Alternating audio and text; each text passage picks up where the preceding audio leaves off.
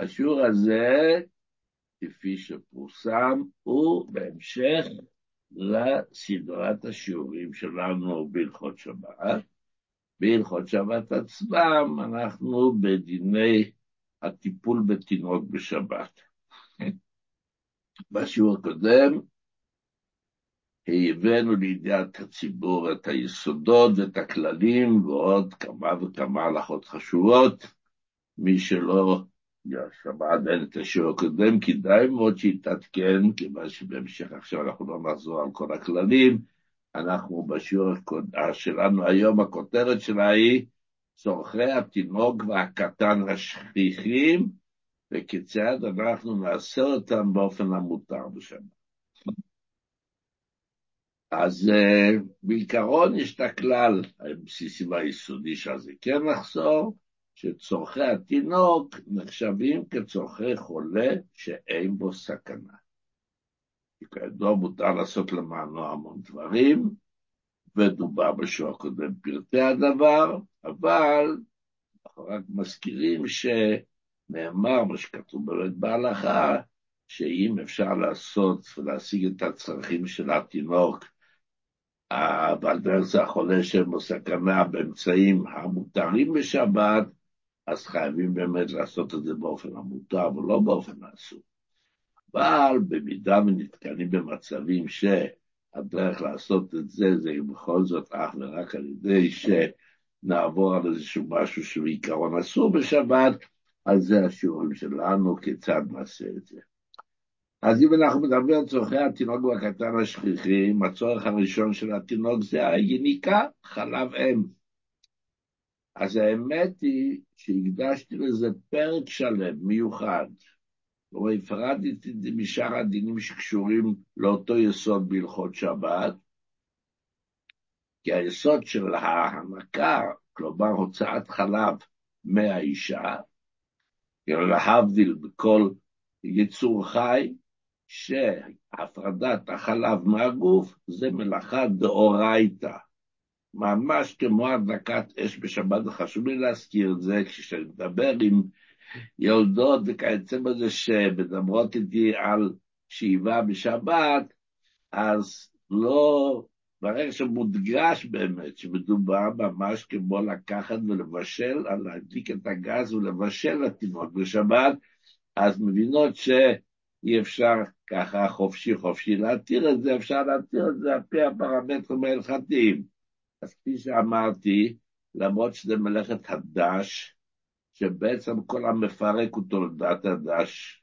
מה זה דישה? אנחנו לוקחים גרגיר חיטה, בתוכו טמון הקמח, ודשים אותו, ובכך מפרקים החוצה את ה... קמח מתוך הגרגיר. אז כל המפרק הוא תולדת הדש. כתוב שחליבה היא בעצם מלאכת המפרק, תולדת הדש. וחלב שהופרש הוא מוקצה וכל מה שקשור בזה. אבל צורכי תינוק אמרנו שזה צורכי חולה שבסכנה. עכשיו השאלה רק עד כמה וכמה זה חשוב, ואיך אנחנו עושים את זה באופן הכי הכי מותר. אוקיי? אז ככה. אז מי שרוצה באמת, רוצה או רוצה או רוצים להתעדכן בכל פרטי ההלכה הזאת בצורה חכמה וברורה ומסודרת, מומלץ להגיע לספר בחלק שלישי, פרק 19, שזה הפרק שהכותרת שלו חלב הם הענקה. אבל אנחנו בשיעור היום כמובן, כחלק מהנושא היסודי שלנו, צורכי תינוק, נגיד באופן כללי את ההלכות העיקריות. הענקת התינוק עצמה בחלב אין, אין בה שום איסור, למרות כפי שאמרנו שהחלב שיוצא מהאם אל החוצה הוא נחשב למלאכת המפרק תולדת הדש, אבל זה לא כאשר התינוק יונק ישירות מהאימא. כשהתינוק יונק ישירות מהאימא, זה מלאכה, זה דבר שמותר לגמרי. למה אני מדגיש את זה? כי שואלים לפעמים, האם כאשר אני מסתכלת על השבוע שבעוד חצי שעה, שעה יוצאת השבת? אז מה בוער לי דווקא להעניק אותו עכשיו, ושמעתי בשיעור שהחלב, הפרשת החלב נחשבת למלאכה, אז לא. הפרשת החלב קשה היא נעשית באופן של יניקה ישירות, אני מדגיש ישירות, מהאם אל פי התינוק, נחשבת דבר שמותר לכתחילה, וכמו שהגורם שלנו זר מן הרבוך מדגיש את זה, ואני מדגיש לכם שזה אפילו אם אתה רואה שהנה, אוטוטו תצא את השבת, מה בוער? כן, זה דבר שמותר לכתחילה, זה כמו להכין לעצמי כוס קפה ולשתות. אוקיי? עכשיו נשאלת השאלה אם התינוק לא רוצה לנהוג בעצמו, ונדרש האמא תקלח לו ישירות לתוך הפה. פותרים לו את הפה, הוא לא מוצץ, הוא לא יונק. אז לוחצים ומשפריצים לו ישירות את הפה ואז הוא בולע. אז אם יש בכך צורך ממש להאכיל אותו, כיוון שהוא לא יונק כראוי, או שמסיבה כלשהו מפסיק לנהוג, ובכך שאנחנו נותנים לו את הקילוח הזה, עוזרים לו להמשיך ולקבל את חלב האם, אז מותר. אבל אם אין בכך צורך חשוב, פה זה כבר לא כמו שאמרנו קודם, הענקה הישירה, שגם אם אין בכך צורך חשוב, זה מותר חופשי, חופשי, חופשי, זה רק אם כאשר התינוק לא יונק כראוי. כן, מכיוון שבשולחן ערוך כתוב ככה. בשולחן כתוב, מותר לאישה לקלח מאכלה וכו' וכו', ואחרי כן יש את הקושיות והתירוצים שבדברי הפוסקים, והמסקנה היא, משום צורך התינוק, התירו, לצטט, דכל, שכל כן אדם את זה בארמית, מנפשו של קושין, דכל צורכי תינוק, היא כמו חולה שבו סכנה. אהה, זה מותר מדוע? בגלל שהוא נמצא במצב של חולה שבו סכנה, כאילו. על פי זה, אז כבר דיברנו, שגם חולה שבו סכנה, כשאין סיבה אמיתית לעשות עבורו את הדבר, את המלאכה לא עושים.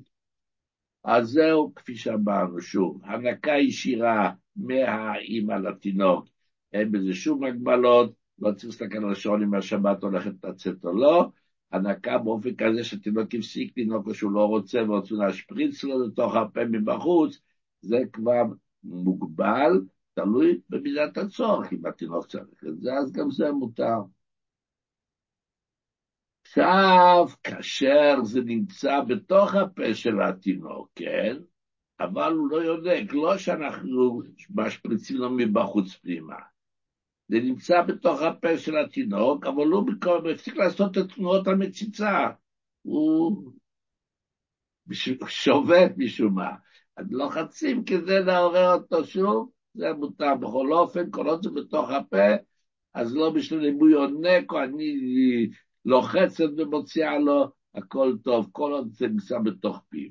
מה שדיברנו מקודם, שהיה במקום הצורך, זה כאשר מבחוץ צריכים להשפריץ לו לתוך הפה. עכשיו אנחנו מגיעים לשאלה העל-מותית כמעט מדי יום שישי לקראת שבת, השאלה הזאת נשאלת מאמהות ששואלות מה אני עושה בשאיבת חלב אם בשבת, מותר, אסור, מה, כמה וכולי. אז אני חוזר שוב על הבסיס שאמרנו בהתחלה. שאיבת חלב אם, טיפה, כל טיפה איסור דאורייתא. כמות של 19 cc זה כבר חיוב חטאת, כן? לא משנה, הכפונים זה איסור דאורייתא. ולכן, הוצאת חלב בדל אסורה בעיקרו מן התורה, כי זה מפרק תולדת מלאכת הדש, וזה לא משנה עושים את זה עם משאבה, או שבידיים לוחצים מהחוצה, כן? אבל כל זה מדובר שזה, החלב הזה מגיע לאותנו שהוא כלי, אבל אם זה הולך לאיבוד, מה, לוחצים על הדת ומשפריצים את זה לכיור וכיוצא בזה, אז כפי שאנחנו יודעים את היסוד בהלכות שבת, כל המקלקלים פטורים, אבל אסורים מדרבנן. כלומר, האיסור דאורייתא, החיוב חטאת כבר אין, לא? כיוון שזה לא בא לידי מימוש, זה לא נאסף, אלא זה הלך לאיבוד, לרצפה, או לכיור וכיוצא בזה, אבל איסור דרבנן יש. ולכן, מכיוון שזה כבר הופך לאיסור דרבנן, אז כתוב שבמקרים שזה מאוד מצער את האישה, יש לה גודש, כן? בואו ניקח את הדוגמה שזה להלן, כן? כשעוד מצער, אז מתירים באופן שהולך לאיבוד. לכן, אישה שמרגישה שהגודש מציק לה, כן?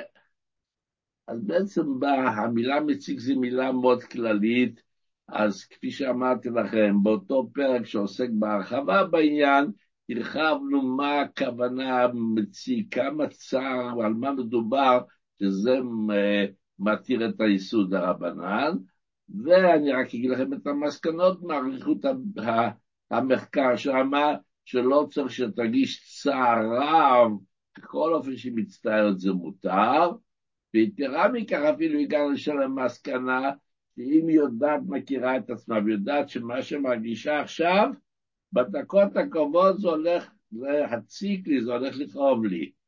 עדיין לא, אבל אני כבר מכירה את עצמי מהניסיון, מה שילדתי, שבסופו של דבר זה עשוי גם מותר כבר מעכשיו לסחוט את החלב לאיבוד, לאיבוד, והעניין הזה, כפי שאמרתי, נתבהר בהרחבה בפרק 19, בביאורים אות ג', מי שרוצה כתובת מדויקת.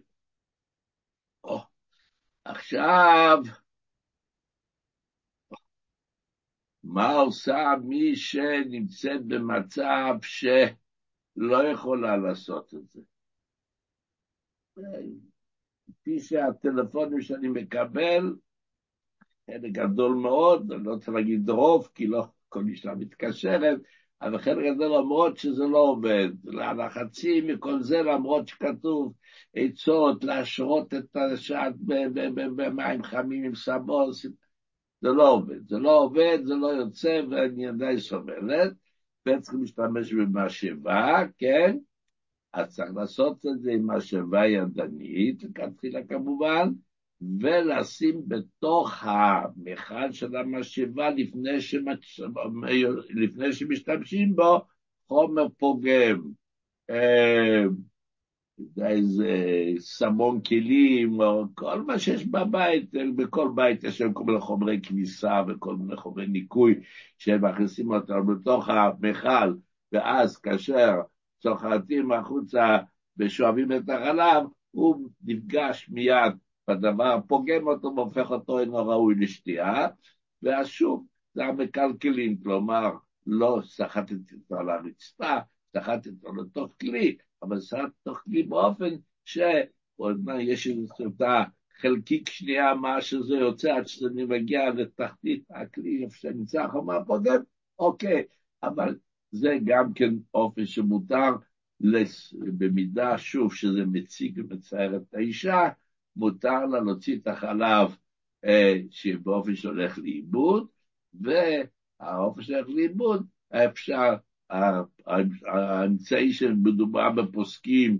לא מדובר על שאיבה, מדובר על סחיטה לכיור, אבל כפי שאמרנו, במידה וזה לא הולך, אפשר לשאוב גם באמצעות מהשאיבה ידנית, אבל להכניס קודם, קודם, לא אחר כך, קודם להכניס חומר פוגם, ברגע שהחלב יוצא מהאישה, הוא פוגש את החומה הפוגם, וזה נחשב כאילו שהוא הלך לאיבוד.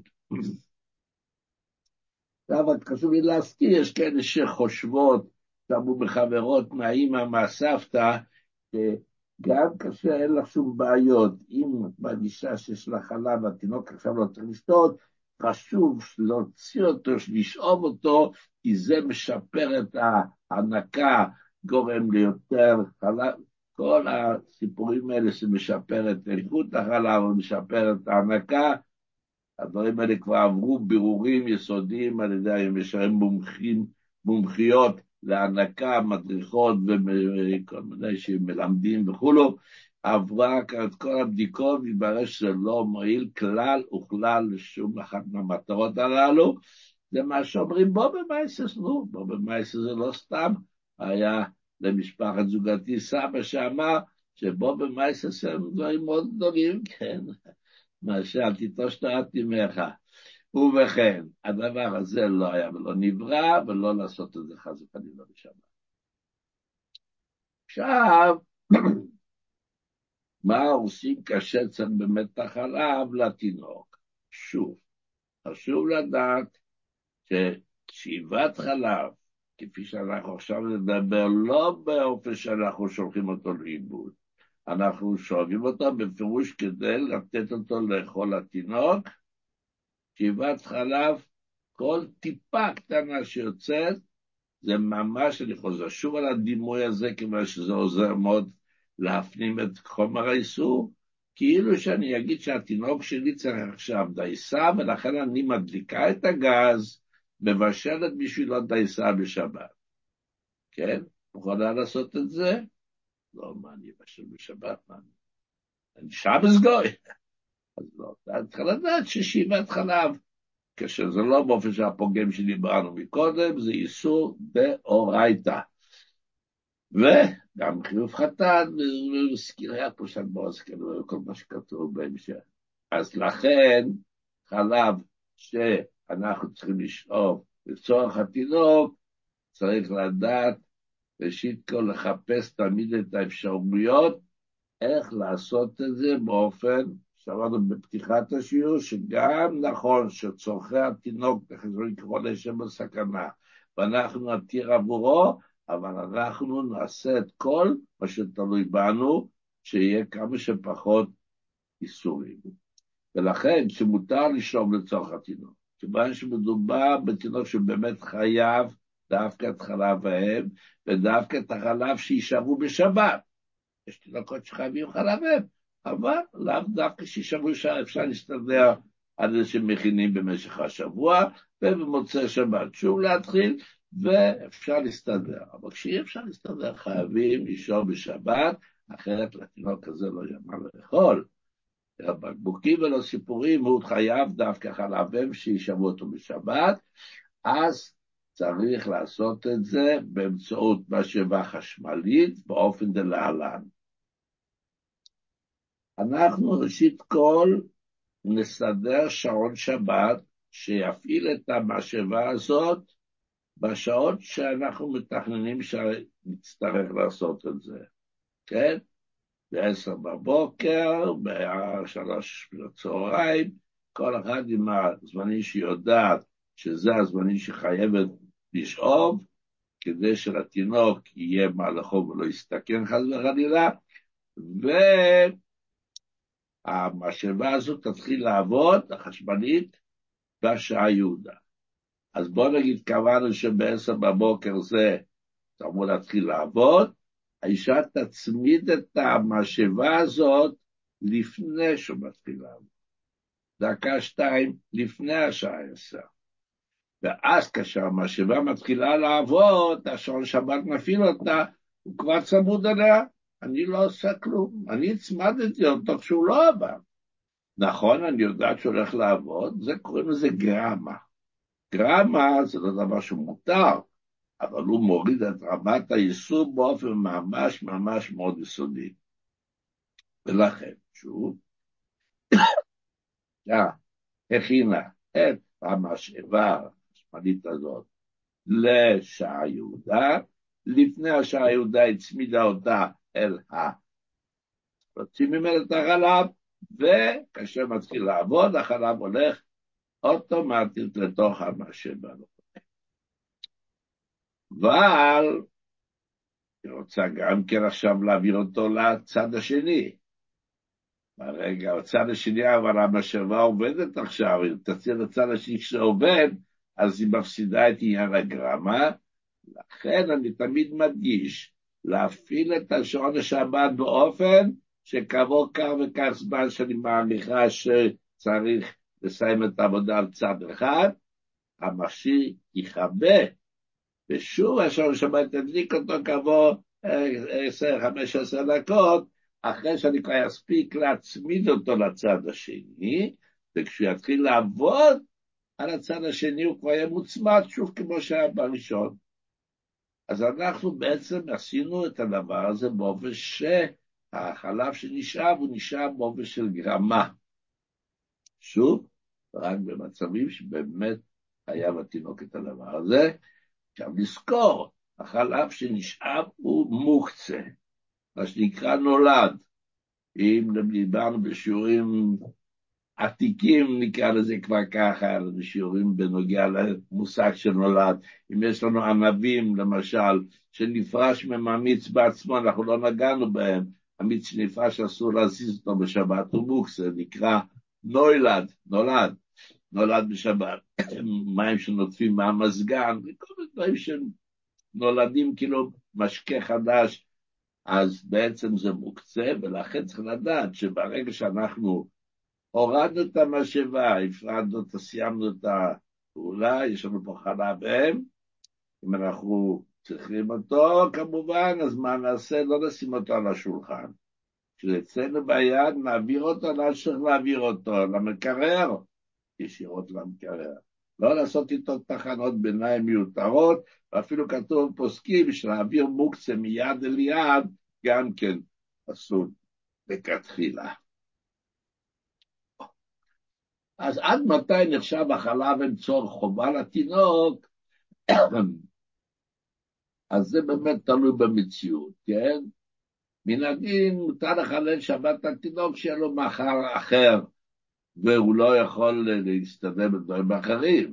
בזמננו התינוקות רגילים באכילת ושתיית כל מיני מטרנות וכיוצא בזה, אז כמובן שזה לא נחשב לחובה, כל עוד שברור שיש סכנה, אם חס וחלילה אפילו החשש הכי קטן, שאם אנחנו לא נעשה את זה, אז התינוק יסתכן, והתחליפים לא ניסים עדיין לתת ולך תדע אם זה לא יגרום לו לאיזשהו שלשולים או בעיות קיבה, אז, אבל אם אנחנו יודעים שבעצם כאשר, אה, במקרה הצורך, אנחנו בטיול וכיוצא בזה, אנחנו משתמשים במטרנה וכל מיני דברים אחרים, אז כמובן לעשות את זה באופנים המותרים, ולא לשאוב את החלב, שכפי שחזרנו זה כבר ביודע כמה פעמים במהלך השיעור, זה איסור דאורייתא גמור. אוקיי, אז יש עוד כמה וכמה פרטים בנוגע לפרטי טלטול המוקצה שבחלב הם, אבל באמת אנחנו חייבים להישמע ליסוד שקבענו לעצמנו בשיעור הזה, שמתעסק בטיפול בתינוק, אנחנו מדלגים על הרבה פרטים, כיוון שהקדשנו לכך פרק שלם בספר פרק 19, שנמצא בחלק שלישי של סדרת הספרים שהקדוש ברוך הוא זיכה אותי להוציא לאור, ששמם שבת כהלכה. עכשיו נדבר על הכנת אוכל לתינוק, או שאלה באמת ששואלים בנוגע לתרופות שמרבות את חלבם, יש דבר כזה, מותר בעיקרון לקחת בשבת, אבל האמת היא שכפי שמתברר, אם האישה מסודרת ולוקחת את התרופות האלה בצורה מסודרת ביום שישי, ואחרי כן במוצאי שבת לוקחת אותו פעם, ואחרי לפני שהולכת לישון פעם שנייה, זה לא מאבד מהאפקט שלו הפעם, פעמיים שמדלגים בשבת. הכנת אוכל לתינוק, כמובן שהכנת מאכלים מתפרסים כמעט כל הלכות שבת, יכול להיות מצב של uh, המסע, של, של, של צובע, עיבוד אוכלים בונה, סותר, כותב, מוחק, תחינה על מה לא.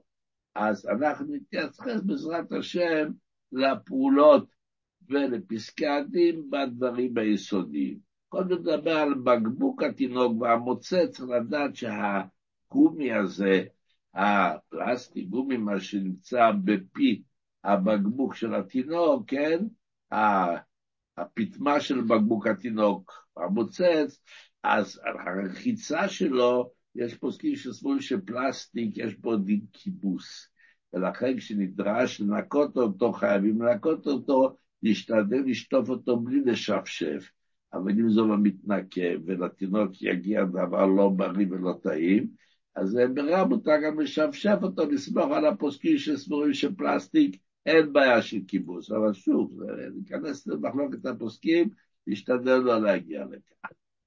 עכשיו, מה קורה שפטמת הבקבוק לא, אה, החור לא מספיק גדול, או לא יצרו בו את הנקם לפני השבת, ואנחנו צריכים לעשות שם חוק כדי שיצא משם הדייסה או הבטרן או מה שאנחנו נותנים לתינוק, יצא מהחור, אז הן ליצור חור חדש והן להרחבת חור קיים, זה חילול שבת. אסור לעשות את זה בשבת, אם אין שום אפשרות להאכיל את התינוק, הוא לא יאכל עם כפית ולא זה, אני יכול להגיד לכם שאני עוד זוכר שאפילו תינוקות עם כפית לא ידעו בכלל בבקבוקים, כן? רבותי זיכרונו לברכה הייתה מאכילה את התינוקות עם כפית. איך שלא יהיה, אבל אם זה לא הולך, אז אה, לעשות את זה באופן של שינוי. אם אנחנו עושים את זה באופן של שינוי, אז אה, זה מוריד את רמת האיסור. איזה שינוי אפשר לעשות בזה, אני יודע, אולי את השיניים ליצור ולעשות את החור, או מאחורי האצבעות ללחוץ על, על הדבר אחד שבאמצעותו אני רוצה, למצוא דרכים שזה יעשה בשינוי. עכשיו אנחנו הולכים לעשות דייסה לתינוק. נתחיל עם מפקר, אבקות, כן? baby formula. מה שקוראים באנגלית. תחליפים לחלב הם, כיוצא בזה, צריכים לערבב אותם עם מים חמים. אם צריך לערבב את זה עם מים חמים, צריך לזהה מדינה בישול בשבת, כן? אז אנחנו יודעים איך שאנחנו עושים את הקפה בשבת, ככה נעשה גם כן את הדבר הזה. אנחנו לא נשפוך, נשים את האבקה ונשפוך מהכלי ראשון, מהקומקום, מהמחם ישירות, אנחנו נעביר את קודם את המים החמים לכוס, שזה יהפוך לכלי שני, ומהכוס הזאת תשפוך לתוך הבקבוק או לתוך התערובת, איפה שאנחנו יוצאים את, ה, את, ה, את האוכל התינוק, ואז עירוי מכלי שני, שדובר בשיעור החרבה, בשיעורים של הלכות שבת, שעירוי מכלי שני לא מבשל. או מי שרוצה יכול לעשות את זה גם בכלי שלישי. כלומר, עוברים את זה לכוס, ומהכוס לכוס נוספת, ואז אפשר להכניס לתוכו. עירוי מכלי שני, או להכנסה לכלי שלישי, אפשר להכניס את האבקות הללו. אז יש מי שטועה, שמעתי שהאבקות האלה כבר עברו תהליך של בישול. בייצור, כשיוצרים את האבקות האלה במפעלים, שם זה עובר תהליך של בישול רציני, זה כבר מבושל פעם. ואני תלמידה חכמה או תלמיד חכם, ויודע שבישול הרע בישול. בישול הרע בישול, אבל כאשר זה נמס, יבש שנימוח, אז דעת אדמו"ר הזקן שדינו כלח, שבלח יש כן בישול אחר בישול, רק ביבש בישול אחר. ישנה סבורה אחרת וכולי, לא ניכנס לכל פרטי הלכות שבת, אנחנו נעשה את זה באופן שלכתחילה, כפי שאמרתי, ניקח את המיכל של שבת שיש לנו בבית, קח את הברז, ואפשרו נעביר את המשקה החם לכלי שני, לכוס וכיוצא בזה, ומשם נשפוך אותו על ה... על המטרנה וכיוצא בזה. עכשיו, מה קורה אבל כשלא מדובר במטרנה שהופכת להיות לנוזל? משהו שהופך להיות למין תערובת שלא שפיכה, כן, זה לא נשפך, לא שפיכה ש, פ, י, כ, ה, שלא שפיכה כמו משקה, אלא כמו דייסה דלילה. למשל, אני צריך, צריך לעשות את התינוק שלי אה, דייסת אורס טחון, הוא כבר גדול יותר, הוא צריך דייסת אורס טחון, או מה שקוראים קורנפלור, ואם ייווצר מצב של דייסה מסוימת, אז פה צריך להקפיד בדיני הגישה בשבת. בעיקרון, שוב, כפי שאני כל שולח אתכם לפרקים האחרים, בפרק 22, בחלקים הקודמים, יש פרק שלם על מלאכת הנישה בשבת. אבל פה אנחנו נזכיר כמובן את היסודות, איך אנחנו בשבת הקרובה צריכים ליצור מצב של דייסה דלילה, דלילה אני מזכיר, אני מדגיש, דייסה ממש נוקשה, אישה של ממש אסורה בשבת, כן, דיברנו בשיעורים של אישה, וזה לא כאן המקום והזמן, אבל כאשר אנחנו רוצים לעשות את הדייסה הזאת, אז לעשות שני ענייני שינוי. שימו לב, העיקרון הוא לשנות באופן עירוב האבקה עם המים, לשנות באופן הלישה, אופן הערבוב. אז בואו נספר לכם על מה מדובר. לשנות באופן הדגשת האבקה עם המים, לשנות מדר ביום חול. אם מדר ביום חול קודם נכניס את האבקה ואחר כך לשפוך עליו את המים, בשבת נעשה הפוך, קודם נכניס את המים ואחר כך נשפוך לתוכו את האבקה. אם להפך, אז להפך, אנחנו נשנה, נהפוך את הסדר של הדגשת האבקה עם המים. זה שינוי מספר אחת, שינוי מספר שתיים, הערבוב לא יעשה באופן הרגיל כמו שעושים ביום חול, אלא לשנות.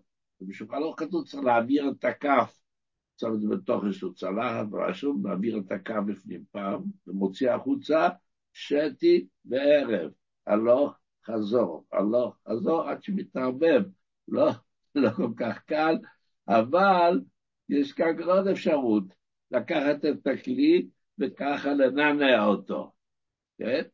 אם ביום חול אנחנו לא ככה מעבירים, אנחנו מעבירים עם כף או עם משהו. עכשיו ניקח את ה... אחרי שהפגשנו את האבקה עם הנוזל באופן של שינוי כדומה מקודם, אנחנו ניקח אותו ונסובב אותו כאן. אז עשינו שינוי באופן הערבוב. שאלת השאלה, מה עם בקבוק תינוק? בקבוק תינוק תמיד אנחנו ככה מערבבים. אז אם שמנו לתוך הבקבוק תינוק את האבקה ואת המים באופן של שינוי וכל זה, הכל טוב ויפה. עכשיו, אם אנחנו ננער אותו, אז זה הדרך ביום חול. ואני כתבתי בספר, אחרי דיברתי עם רבנים שהסכימו איתי, שהכיוון שבדרך כלל אנחנו מערבבים באופן של מלמעלה למטה, עכשיו אנחנו ננער את הבקבוק באופן של סיבובי. מאוד סיבוביות, ואז עשינו שינוי. מה קורה שאנחנו רוצים לתת לתינוק שלנו מיץ פירות מרובב עם גבינה או בננה מרוסקת? מותר לצורך התינוק, למרות שבדרך כלל הוא יוצא בלי להבה קצת, אבל צריך לערבב את זה בתנאים הקודמים שדיברנו, הפגשת הדברים, המיצימה, בננה וכיוצא בזה, והערבוב צריך לעשות באופן של שינוי. לסחוט פרי לתוך גבינה, צריכים לתת לו דברים בריאים, אז יש גבינה, אנחנו סוחטים לתוכו תפוז או משהו, אז הוא מקבל גם כפרי הדר עם כל הוויטמינים הנפלאים שלו. אז לצורך התינוק זה מותר, כן? לא לצורך התינוק, אז זה אסור, צריך להקפיד על כל מיני תנאים וכולי וכולי, שלא נחזור על זה שוב, אבל לצורך תינוק מתחילים לסחוט פרי לתוך גבינה, וכמובן לעשות את זה בידיים, לא סחיטה באמצעות מסחטת פרי, אלא סחיטה בידיים וישירות לתוך, ה, לתוך הגבינה וכיוצא בזה, זה מותר. בתנאי אבל שזה המטרה באמת שזה לתיקון ושיפור המאכל, וצריך שהוא יתערבב היטב. אם אנחנו סוחטים אותו לתוכו והוא נשאר מלמעלה, אז זה בעיה. כאילו עומד בפני עצמו. צריך שזה יתערבב בתוכו. אז צריך לערבב ולסחוט ולערבב כדי שזה יהיה מעורבב היטב היטב בפנים. עכשיו יש לנו עוד כמה סעיפים, אולי בכל זאת נדבר עליהם, באמת לא יודע, אנחנו בין כה צריכים שיעור שלישי בהכנת פחדים לתינוק, אז בעזרת השם בשיעור הבא נדבר על הכנת כל מיני דגנים, קורנפלקס, סיריול עם משקה, ונדבר גם כן בשביל זה המון פרטים, פרטים מאוד מאוד חשובים, חימום אוכל ומשקה לתינוק וכולי, כל הדברים האלה, רחצה וניקוי התינוק באיזה פנים מותר או אסור, ממחטות לאחות וכולי, בקיצר יש לנו עוד הרבה עבודה, בעזרת השם נתראה בשיעור הבא, וכפי שאנחנו מברכים ומאחלים לעצמנו, משיח צדקנו שלמד תורת כל העם כולו, אמן ואמן.